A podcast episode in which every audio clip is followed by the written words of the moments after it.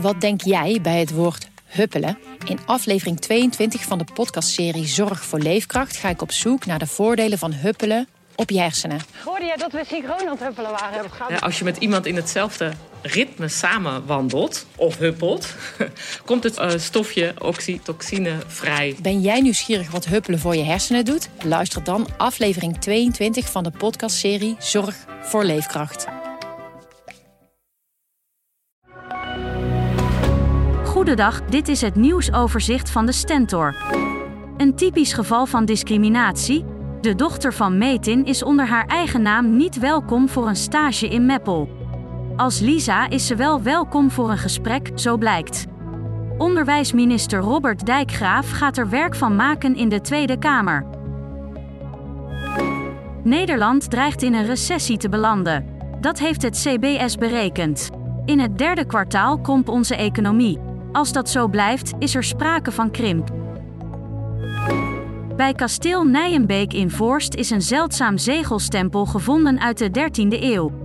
Ridders gebruikten die om geheime brieven te verzegelen. Volgens archeologen hadden ze al wel mooie vondsten verwacht. Deze overtreft alles. Een groot zonnepark aan de rand van IJsselmuiden roept flinke weerstand op.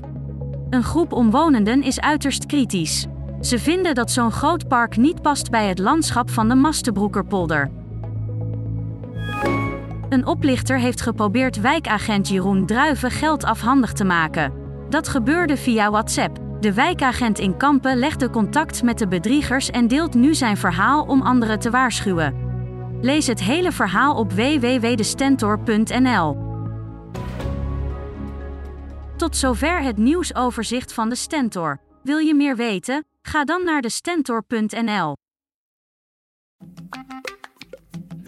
Wat denk jij bij het woord huppelen? In aflevering 22 van de podcastserie Zorg voor Leefkracht ga ik op zoek naar de voordelen van huppelen op je hersenen. Hoorde jij dat we synchroon aan het huppelen waren? Ja, als je met iemand in hetzelfde ritme samen wandelt of huppelt, komt het uh, stofje oxytocine vrij. Ben jij nieuwsgierig wat huppelen voor je hersenen doet? Luister dan aflevering 22 van de podcastserie Zorg voor Leefkracht.